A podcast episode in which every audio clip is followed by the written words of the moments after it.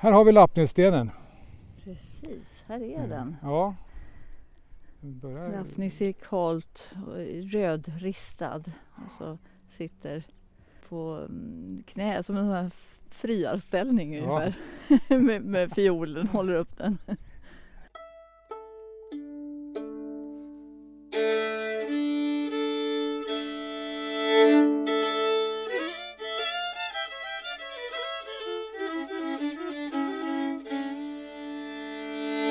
Lappnilspodden. Minne av Lappnils 1804-1870. En folkmusikens mästare. Eh, vården rest 1943 av spelmän och vänner. Rakt framför kyrkan. Ja. Och jag har förstått att den här, den här själva stenen den är skänkt av en man från Almåsa. Och det här ska vara en del av en bro på där Lappnils spelade på bröllop, en av hans sista spelningar. Så gjorde han en spelning uppe i Almåsa på bröllop och då stod han på den här bron. Är inte det lite häftigt? Verkligen. Du, vi, vi har ju kommit fram till näst sista programmet Mm. faktiskt i den här Lappnis årspodden. Mm. Ehm, fast vi, nu när vi spelar in det så är det ju faktiskt maj och vi står i Offerdal på, på Körgården ehm, och tittar på den här, den här stenen. Och, och jag tänkte vi skulle prata lite om, om, om hans sista tid i livet. Mm. Ehm, då han bor kvar i Lappnistorpet eh, till sin död 18 april 1870.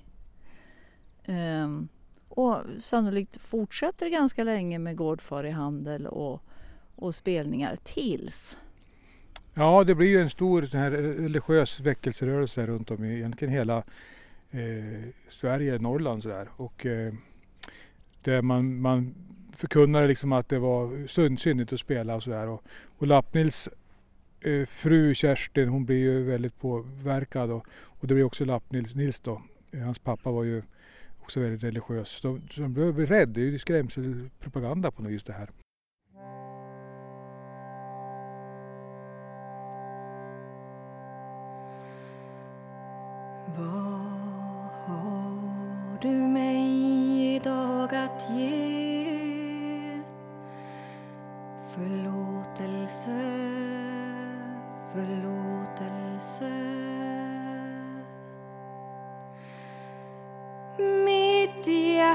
Hjärta är så hårt och kallt.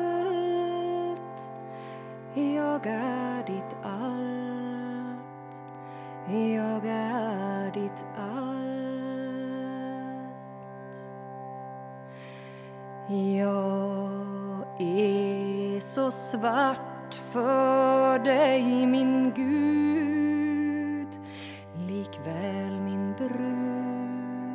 Likväl min brud. Men synden överflödar så än nåden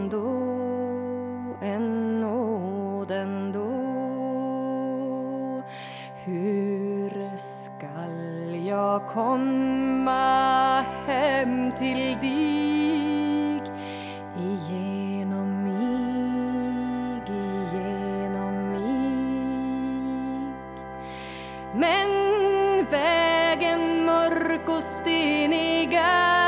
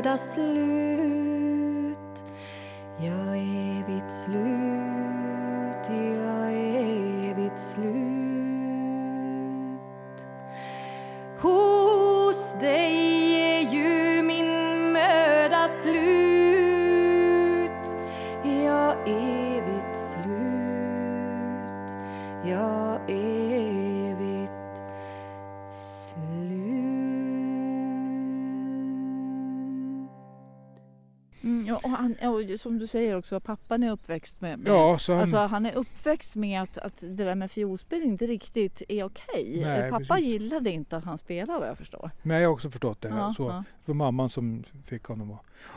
Så, eh, så han blev väldigt tveksam till det här så jag vet att han då han slutade spela sådär och eh, Och jag jag har också hört att, att eh, medan han fortfarande spelar så han, eh, tycker han väldigt illa om en ny fluga som börjar komma Ja. den här tiden, att dansa motsols. ja just det, bak. Och det, det, det, det, ja precis, bakmesen som, Mm. som alla vi som dansar idag vet att det, det, är liksom, det hör ju till att dansa. Det han i, i då. jämtfolska. Men han, då, då vill inte han spela om Nej. de dansar så. Nej, just det. Nej. Nej, det var väldigt mycket det. Och till slut så bestämmer han sig helt sonika, enligt sägnen, att han, att han helt enkelt gräver ner fiolen. Han, eh, han är liksom lite, ungefär som en begravning kan jag tänka mig.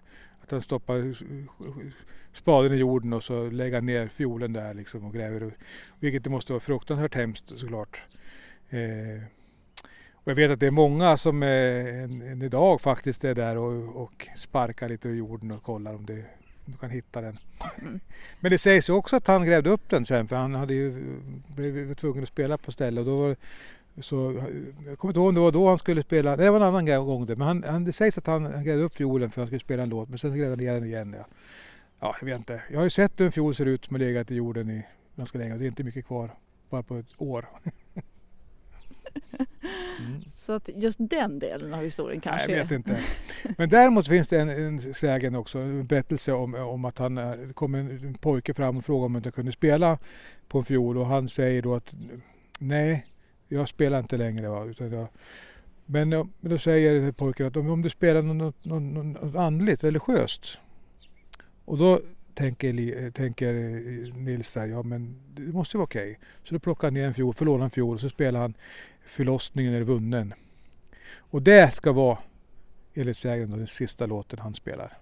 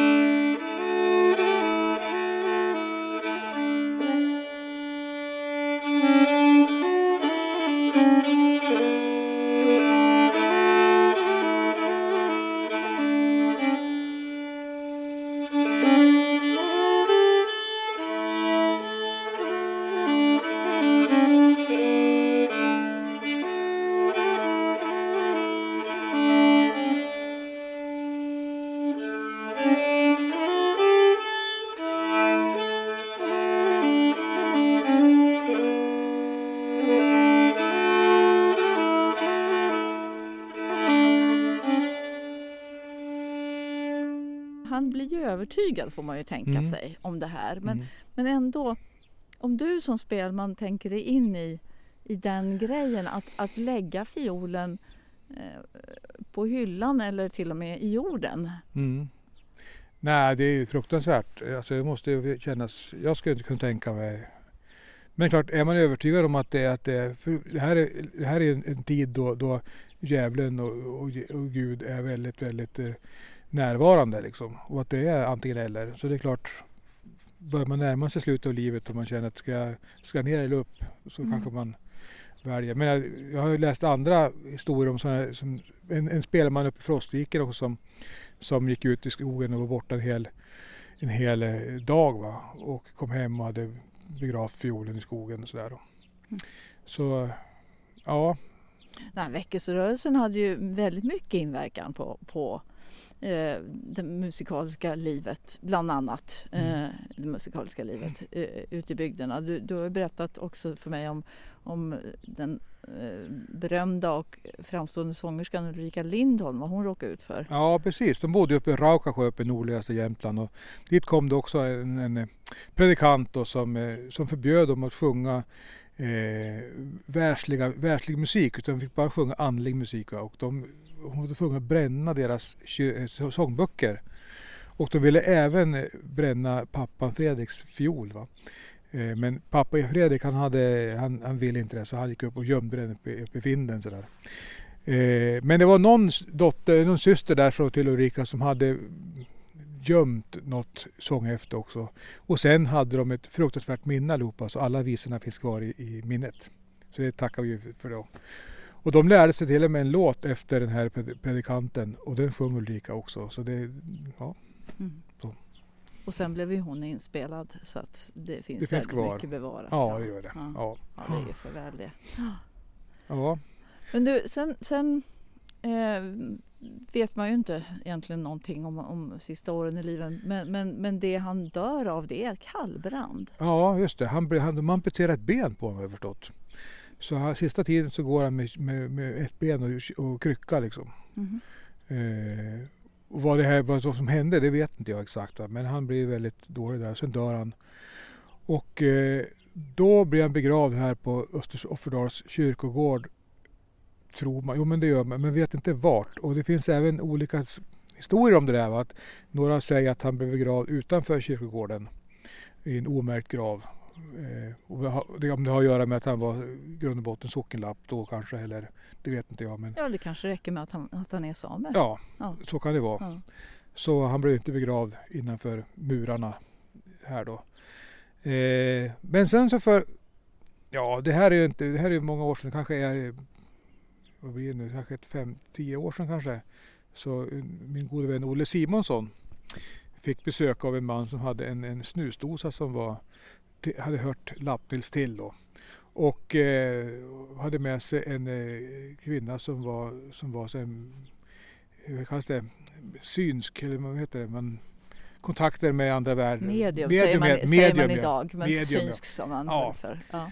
Så de var här och, eh, och här hände någonting. Jag var inte med själv, Olle berättade att här hände någonting att hon blev väldigt, började springa med den där snusdosan va? och eh, sprang ner på kyrkogården här och stannade mitt mellan två stycken gravar. Och så säger hon att här ligger han. Och Olle fick känna på snusdosan och den var alldeles, alldeles het, sa Olle. Så, så jag vet vart det är ja, men då måste vi gå dit. Vi måste gå dit Ja, absolut. Då häng med. Och det är rakt nedanför eh, minnesstenen här. Så bara gå rätt ner. Vilken slump. Eller hur?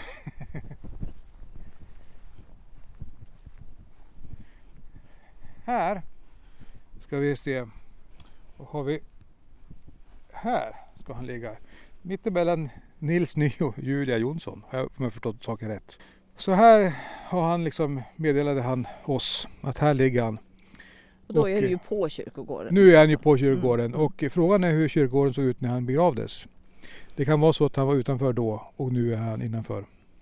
Det är sant, för Ja. att här är ju, de här är ju nyare gravstenarna. 2000, jag vet inte, eh, den är den äldsta, 52. 52, ja. 1952. Ja, så- precis. precis. Så det här är, ja. Så här och sen, och sen sa han en sak till vad jag förstått. Och han, han, och han sa att han var lite ledsen över det som hände 19, 1878. Det är en cliffhanger, vi har ingen aning vad det kan vara. Så, men vänta, 1878, då är han död Ja, han är död. åtta år Ja, tillbaka. Men, och- men det och- sa han till mediet då Ja. alltså? Mm. Och Kerstin lever ju en stund till. Så det inte henne. Någonting händer 78. Men det, Och hon, le, hon lever efter 1878? ja visst gör hon det. Hon levde ända till 80-talet va. Mhm. Så jag har en, jag vet inte, jag har ingen teori men det slog mig för några dagar sedan att, att eh, hans rival Mikael Rapp i Östergötland dog 78. Vet inte. Men det är spännande. jag brukar i alla fall, eh, jag brukar i alla fall eh, tända ett ljus här. Jag tror att kyrko, de som jobbar på kyrkogården här tycker att det är väldigt märkligt att rätt och så står ett ljus mitten mellan Julia och Nils. Men det är jag. Där har vi förklaringen. Ja. Kom den där.